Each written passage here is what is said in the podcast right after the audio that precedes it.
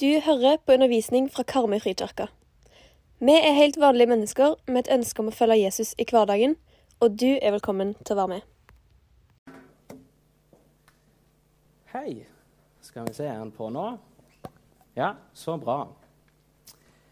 Jeg heter Magnus Løvåsen, er den nye menighetsarbeideren her i Karmøy frikirke. Eh, jeg har vært litt spent på i dag. Det kan være dere også har vært litt spent på i dag. Men eh, jeg tror dette skal gå veldig bra. Løffe han utfordra meg på å tale denne søndagen, og han ga meg en, eh, det jeg synes er en litt vanskelig tekst. Men jeg skal prøve så godt jeg kan. Så håper jeg at Den hellige ånd er med oss, at den kan, kan bruke noe av det jeg skal si nå.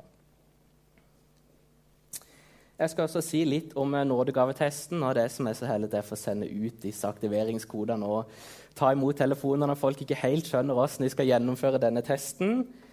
Um, noen de syns det er spennende med sånne nådegavetester og personlighetstester. og De syns det er gøy å være, kjenne seg igjen i den profilen man får. At 'oi, det er jo akkurat sånn jeg er'. Det passer på en prikk.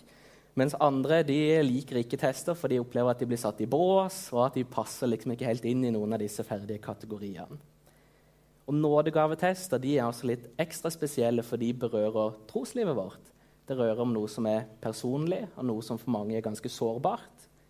Så når vi som menighet kommer sammen og skal ta en nådegavetest, så er det viktig at vi har respekt for at folk har ulikt forhold til dette med nådegaver at noen har et ganske godt forhold til det og har sett hvor flott det er å være i en menighet hvor folk bruker sine nådegaver og den berikelsen det er når folk får være med og bidra. Mens andre har et forhold til nådegaver man har opplevd usunn bruk av nådegaver. Kanskje har det vært fokus på noen spesifikke nådegaver som blir veldig synlige for veldig mye fokus. Og de som ikke har de nådegavene, de blir på en måte litt annenrangs i menigheten. Så vi har ulikt forhold til dette, og det er viktig når vi skal komme sammen og ha nådegavetest og snakke om det. Så er det ikke så veldig mange som har sendt meldinger og spurt om å få tilgang til den testen enda, så jeg er her litt for å pushe på dere og si at det er lurt å komme i gang.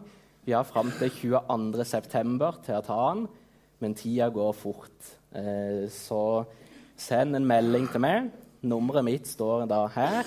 Send e-postadressen din på melding, for da får du link til testen. Og så har jeg skrevet en fremgangsmåte, så jeg håper det skal være ganske forståelig hvordan man skal få tatt den testen. Så vil jeg også bare si kort litt hvorfor, hvorfor tar vi nådegavetest. Eh, litt av grunnen er at vi som menighet vi ønsker å ha fokus på nådegaver, snakke om nådegaver. For når ting skal bli gjort i menigheten, så er det fort at ja, folk melder seg til å være med og hjelpe, ikke fordi de tenker at 'oi, jeg er så flink på å dekorere eller bake kake', eller hva det skulle være, men man tenker noen må jo gjøre den jobben. Denne gangen ble det meg som gjør den jobben. Men så er det så fort at da blir man værende i en tjeneste hvor man kjenner at det tapper en for tid og for krefter, og det gir en ingenting tilbake igjen. Men vi håper da med å ha litt fokus på nådegaver at vi kan prate litt sammen i menigheten, spesielt i smågruppene våre. Prate litt om ja, hva, hva, hvilke resultater får man på denne testen. Hvis man ser at ja, jeg er i en uh, tjeneste med estetikk og ser at man slår ikke ut i det hele tatt, kan det være godt å komme i smågrupper og si at åh, jeg, liker ikke det å pynte, og jeg vet ikke helt hva jeg holder på med. Og kunne si ja, kanskje jeg er på feil sted, kanskje jeg skal prøve noe annet. Eller hvis man ikke har en tjeneste tar nådegavetesten, kanskje det kan være en utfordring til å tenke kanskje jeg skal prøve meg i en tjeneste i menigheten. det siste jeg vil si om bare denne nådegavetesten, er at med alle sånne tester så er ikke det en fasit. At de klarer ikke å fange opp hele din historie, din bakgrunn, dine evner. Eh, så vi skal være litt kritiske til resultatene og ta det med en god klype salt. Mange av dere var her eh, forrige søndag og hørte når Thea talte om nådegavene. Jeg skal ikke repetere alt det, men jeg tenkte å ha en ganske kjapp oppsummering, bare sånn at vi vet litt hvor vi er. I 1. Korinterne 12, vers 1, så står det når det gjelder åndens gaver, søsken, vil jeg at dere skal ha kunnskap om dem. Nådegavene de kalles også for åndens gaver. At det er Den hellige ånd som utruster oss med nådegaver. I Johannes kapittel 15 vers 26 står det når talsmannen, altså Den hellige ånd, kommer, han som jeg skal sende dere fra far, sannhetens ånd som går ut fra far, da skal han vitne om meg. Den hellige ånd sin rolle det er å vitne om Jesus. Og Noe av det samme det ser vi også i Johannes 16, vers 13-14. Men når sannhetens ånd kommer, skal han veilede dere til hele sannheten. For han skal ikke tale ut fra seg selv, men si det han hører, og gjøre kjent for dere det som skal komme. Han skal herliggjøre meg, for han skal ta av det som er mitt, og forkynne det for dere. Når Den hellige ånd utruster oss med nådegaver, så er det for å vitne om Jesus.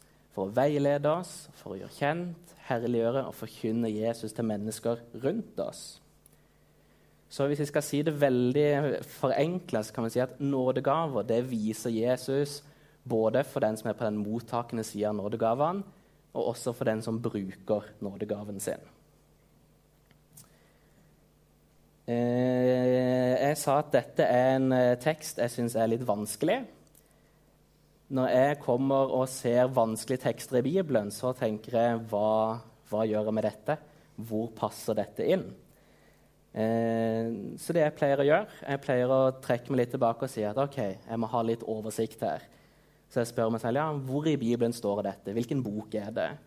Hvilken, eh, hvilken sjanger er det? Leser jeg historiefortelling? Leser jeg poesi? Så liker jeg å se hva er det som står før og etter denne teksten. Hva er liksom sammenhengen?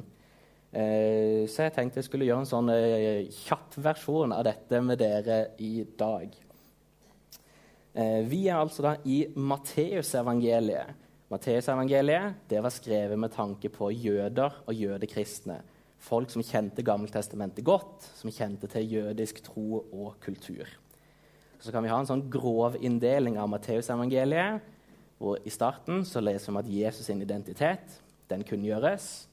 Så har vi hovedbolka med Jesus' sin forkynnelse og under i Galilea. Så har vi Jesus på vei opp mot Jerusalem. Og til slutt så har vi lidelseshistorien med Jesu lidelse, død og oppstandelse. Matteus har strukturert evangeliet etter fem store taler. Jesus holder fem store taler i det evangeliet. Den første den regner jeg med mange av dere kjenner, det er bergprekenen.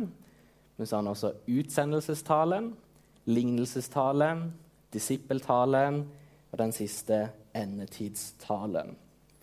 Så for å plassere oss, den teksten vi straks skal lese nå, så er vi da helt på slutten av at Jesus er på vei til Jerusalem. Dette er det siste han gjør før vi går inn i lidelseshistorien når han kommer til Jerusalem.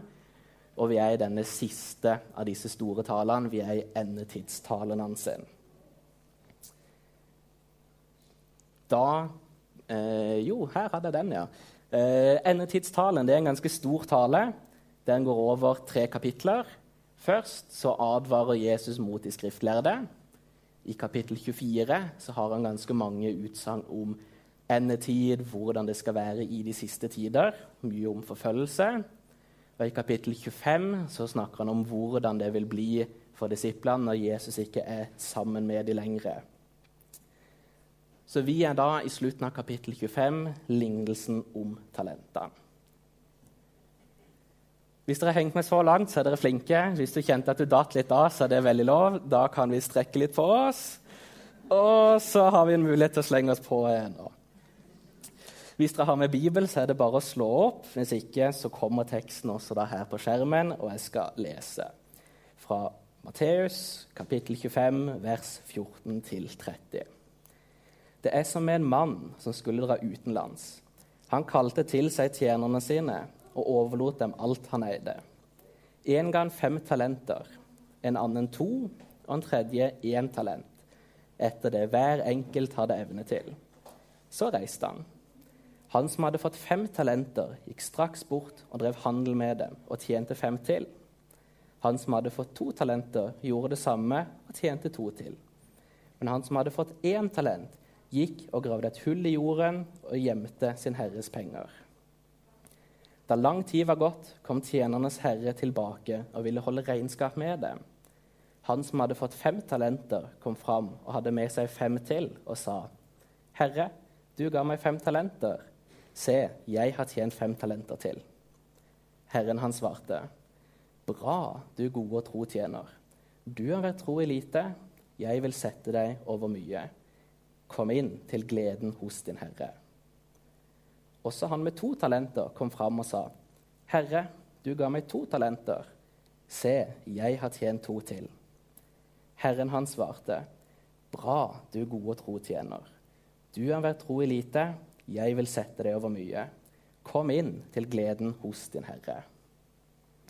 Så kom også han fram som hadde fått én talent, og sa, Herre, jeg visste at du er en hard mann, som høster hvor du ikke har sådd, og sanker hvor det ikke har strødd ut. Derfor ble jeg redd og gikk og gjemte talenten inn i jorden. Se, her har du ditt. Men Herren svarte han, du dårlige og late tjener. Du visste at jeg høster hvor jeg ikke har sådd, og sanker hvor jeg ikke har strødd ut. Da burde du ha overlatt pengene mine til dem som driver med utlån, så jeg kunne fått dem igjen med renter når jeg kommer tilbake. Ta derfor talenten fra ham og gi den til ham som har de ti talentene. For den som har, skal få, og det er i overflod. Men den som ikke har, skal bli fratatt selv det han har. Og kast den unyttige tjeneren ut i mørket utenfor, der de gråter og skjærer tenner.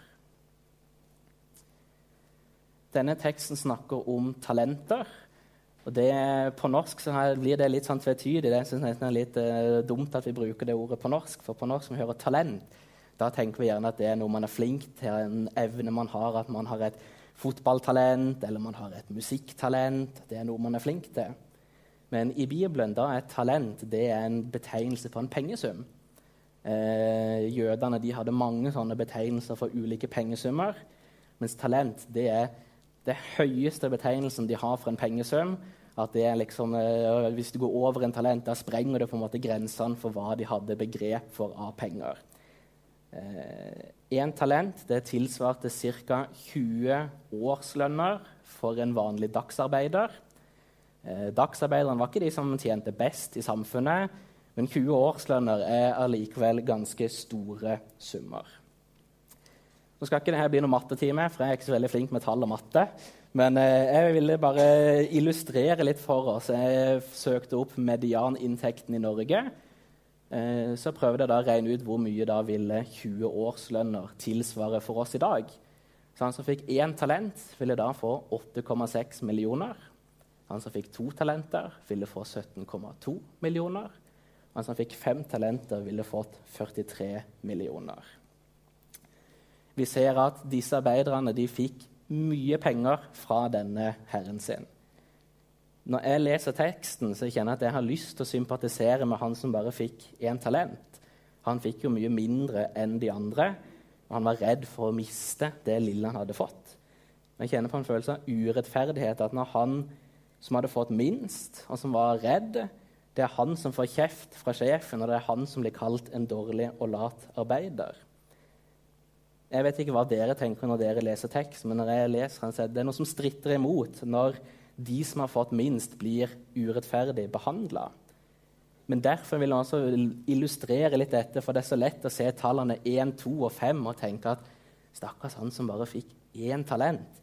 Men det gir oss litt holdt på å si, bilde når vi tenker at denne ene talenten, den bare én, det kunne tilsvart åtte millioner. At det er ikke så lite som vi kanskje tenker når vi bare ser tallene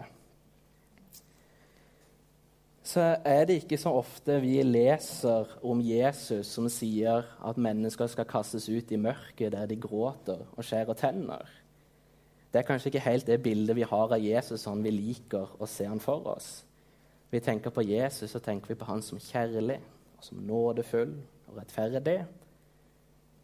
Og Da kommer liksom disse tekstene, og de bryter litt med det bildet vi har av Jesus. Jeg tror ikke det er noe motsetning mellom den nådefulle og kjærlige Jesus og den Jesus vi møter i teksten vår i dag. Eh, vi har allerede sett litt på konteksten til denne teksten. Hvor er det den står? Dette er før Jesus skal bli korsfesta. Dette er Jesus' sin siste tale til disiplene før de skal begynne å stå mer på egne bein. Når vi har den bakgrunnen med oss, da tenker jeg at det som står i vers 26, det er viktig å ha med seg. Eh, når Herren kommer tilbake for å holde regnskap med tjeneren, så sier han til denne tjeneren at Du visste. Denne tjeneren han kjente Herren sin, og han visste hvilket ansvar han hadde fått. Jesus forklarer til disiplene at det kommer et ansvar med det å kjenne Gud, det å ha del i Guds rike. Når vi vet hvordan Gud ser på mennesker, når vi vet hvordan Gud elsker de syke, de fattige og de som har havna utenfor samfunnet, når vi vet at det finnes to utganger på livet for alle mennesker, og når vi vet at vi har fått nådegaver til å tjene hverandre med, så har vi fått et ansvar. Gjennom hele denne siste talen så forbereder Jesus disiplene på at det vil bli vanskelig å være trofast til dette ansvaret de har fått. Det vil komme motgang, og det vil komme forfølgelse. Og det er her jeg tror vi har hjertet av denne lignelsen. Poenget med det vi har lest, det er hva gjør du med det du har fått? Vil du være trofast til det ansvaret du har blitt gitt? Eller går du og gjemmer det bort når det begynner å komme motgang og det begynner å komme forfølgelse? Jesus forbereder også disiplene på at de vet ikke når han vil komme tilbake igjen. Tjenerne i lignelsen de visste at Herren rår bort. Han var borte lenge, så kom han tilbake igjen. Jesus sa aldri til disiplene når han skulle komme tilbake. Og vi da, vi vet heller ikke når Jesus vil komme tilbake. Og Jeg er litt sånn som person, jeg er litt ustrukturert av meg. jeg vet ikke hvordan dere er, Men jeg jobber mye bedre når jeg har en tidsfrist på meg. For da, selv om jeg er litt ustrukturert, så kan jeg i hvert fall planlegge at da kan jeg si på mandag så må jeg ferdig det og det. På tirsdag må jeg bli ferdig med det og det. For da ser jeg at jeg blir ferdig til tidsfristen. Når jeg ikke har noen tidsfrist, og det er litt udefinert at jeg bare skal bli ferdig på et eller annet tidspunkt, da synker det ganske fort på prioriteringslista. Jeg kommer godt i gang når motivasjonen er der, og det står prioriterer det, men så forsvinner det liksom bare litt etter hvert. Eh, jeg vet ikke om det er mange av dere som liker å pusse opp. Jeg er ikke noen veldig sånn men jeg ser litt det når jeg er rundt hos folk og, eller i familien, at sånne oppussingsprosjekter da begynner folk og er kjempemotivert, og det er liksom hver helg går til å pusse opp, og ting går veldig bra, og man er motivert. Eh, så rekker man kanskje ikke å bli helt ferdig så fort som man hadde tenkt. Og så kommer det plutselig fotballcup ei helg, da forsvant den helga til pusse opp. Så skal man kanskje med noen familie eller venner på en hyttetur, da forsvant ei helg til pusse opp. Og så forsvinner liksom bare tida litt. Eh, plutselig så det oppussingsprosjektet som skulle ta en måned, det står fortsatt og ikke er ferdig et halvt år seinere, og tapeten har ikke kommet opp ennå. Når vi ikke har tidsfrister på oss, da blir vi heller egentlig ikke holdt til ansvar for om vi fullfører og gjennomfører det vi har satt for oss. Litt sånn kan det også være i troslivet vårt. at Når vi ikke har noen tidsfrister på oss, så kan vi starte med mye motivasjon, og vi kan prioritere ting når vi starter. Kanskje man har vært på sommerstevne på sommeren, man har hørt mye bra forkynnelse. Man har fått litt utfordringer, og man tenker at ja, når høsten kommer, da skal jeg begynne å gjøre litt ting. Da skal jeg begynne å lese i Bibelen sammen med barna mine på kvelden. Jeg har lyst til å be mer. Kanskje man tenker at ja, jeg har en nådegave som jeg ikke får brukt i tjeneste. Kanskje jeg skal begynne med det. Kanskje man har noen på jobb som man ser at de er litt interessert i Jesus, men man tør liksom ikke helt å starte de samtalene på jobb. Men så kommer høsten, og så kommer det fotballcuper og det kommer hyttetur og sånt. og Motivasjonen forsvinner, og så er det ingen som holder en til ansvar for om man faktisk gjennomfører og fullfører det man starta på. Men Jesus han sier at en dag så kommer han tilbake, og en dag så blir vi holdt til ansvar for om vi har gjort det vi starta. Når han kommer tilbake, har vi da vært gode og trofaste tjenere eh, som har forvalta det vi har fått? Eller har vi vært tjenere som har gått og gjemt det vi fikk, og ikke turte å forsøke? Så vil han altså si en lignelse om ansvar og trofasthet. At når Jesus forteller denne lignelsen, så er det rett før han kommer til Jerusalem. Han vet at Judas kommer til å forråde ham. Han vet at Peter kommer til å fornekte ham. Han vet at Thomas kommer til å tvile på oppstandelsen. Og han vet at alle disiplene de kommer til å løpe av gårde og gjemme seg når han er korsfesta. Jesus han visste at alle disiplene de kom til å svikte.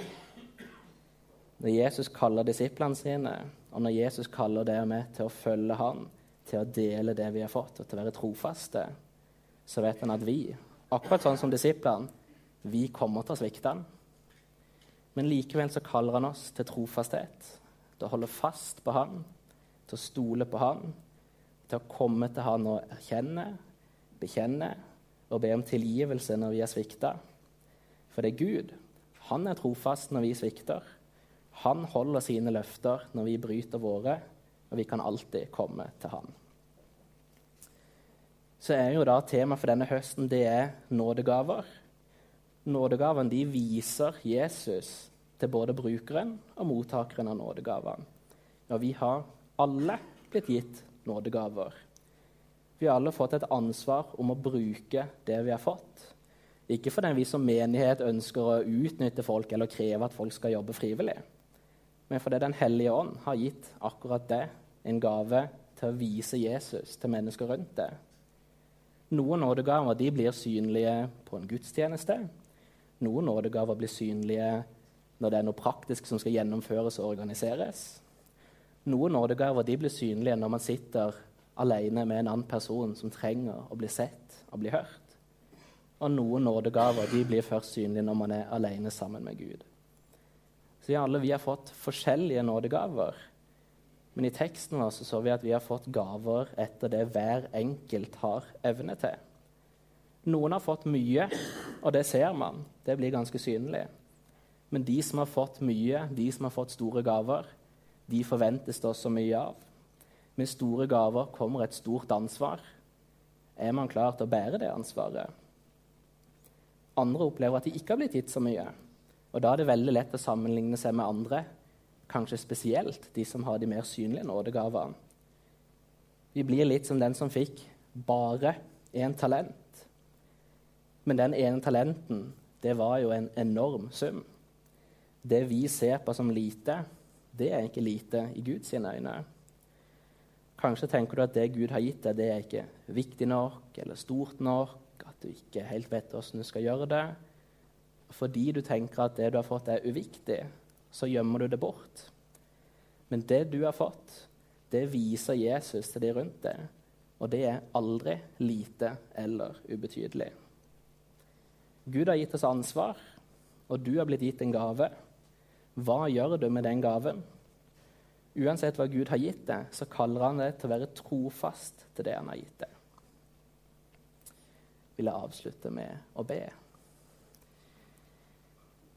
Gode far, takk for at du er trofast når vi svikter. Takk for at vi alltid kan komme til det når vi, når vi er redde, når vi føler at vi ikke får ting til, når vi har sagt noe dumt som vi angrer på. Takk for at vi alltid kan komme til det og bli møtt med din kjærlighet og din tilgivelse. Så ber jeg at du må vise oss det ansvaret du har gitt oss. Ber om at du må legge til rette for at vi kan være trofaste til det du har gitt oss. Hjelp oss til å være frimodige og dele det vi har blitt gitt. Hjelp oss til å ikke tenke smått om oss selv, men å se at det du har gitt oss, det er utrolig verdifullt. Ber vi spesielt for barna og ungdommene i menigheten. Hjelp oss til å dele det vi har fått, med den neste generasjonen. Hjelp oss til å vise hvor verdifullt det er for oss. Ber om at du også må møte de med din nåde, din kjærlighet, at de skal få se den store rikdommen det er i å tro på det. Det ber vi om i Jesu navn. Amen.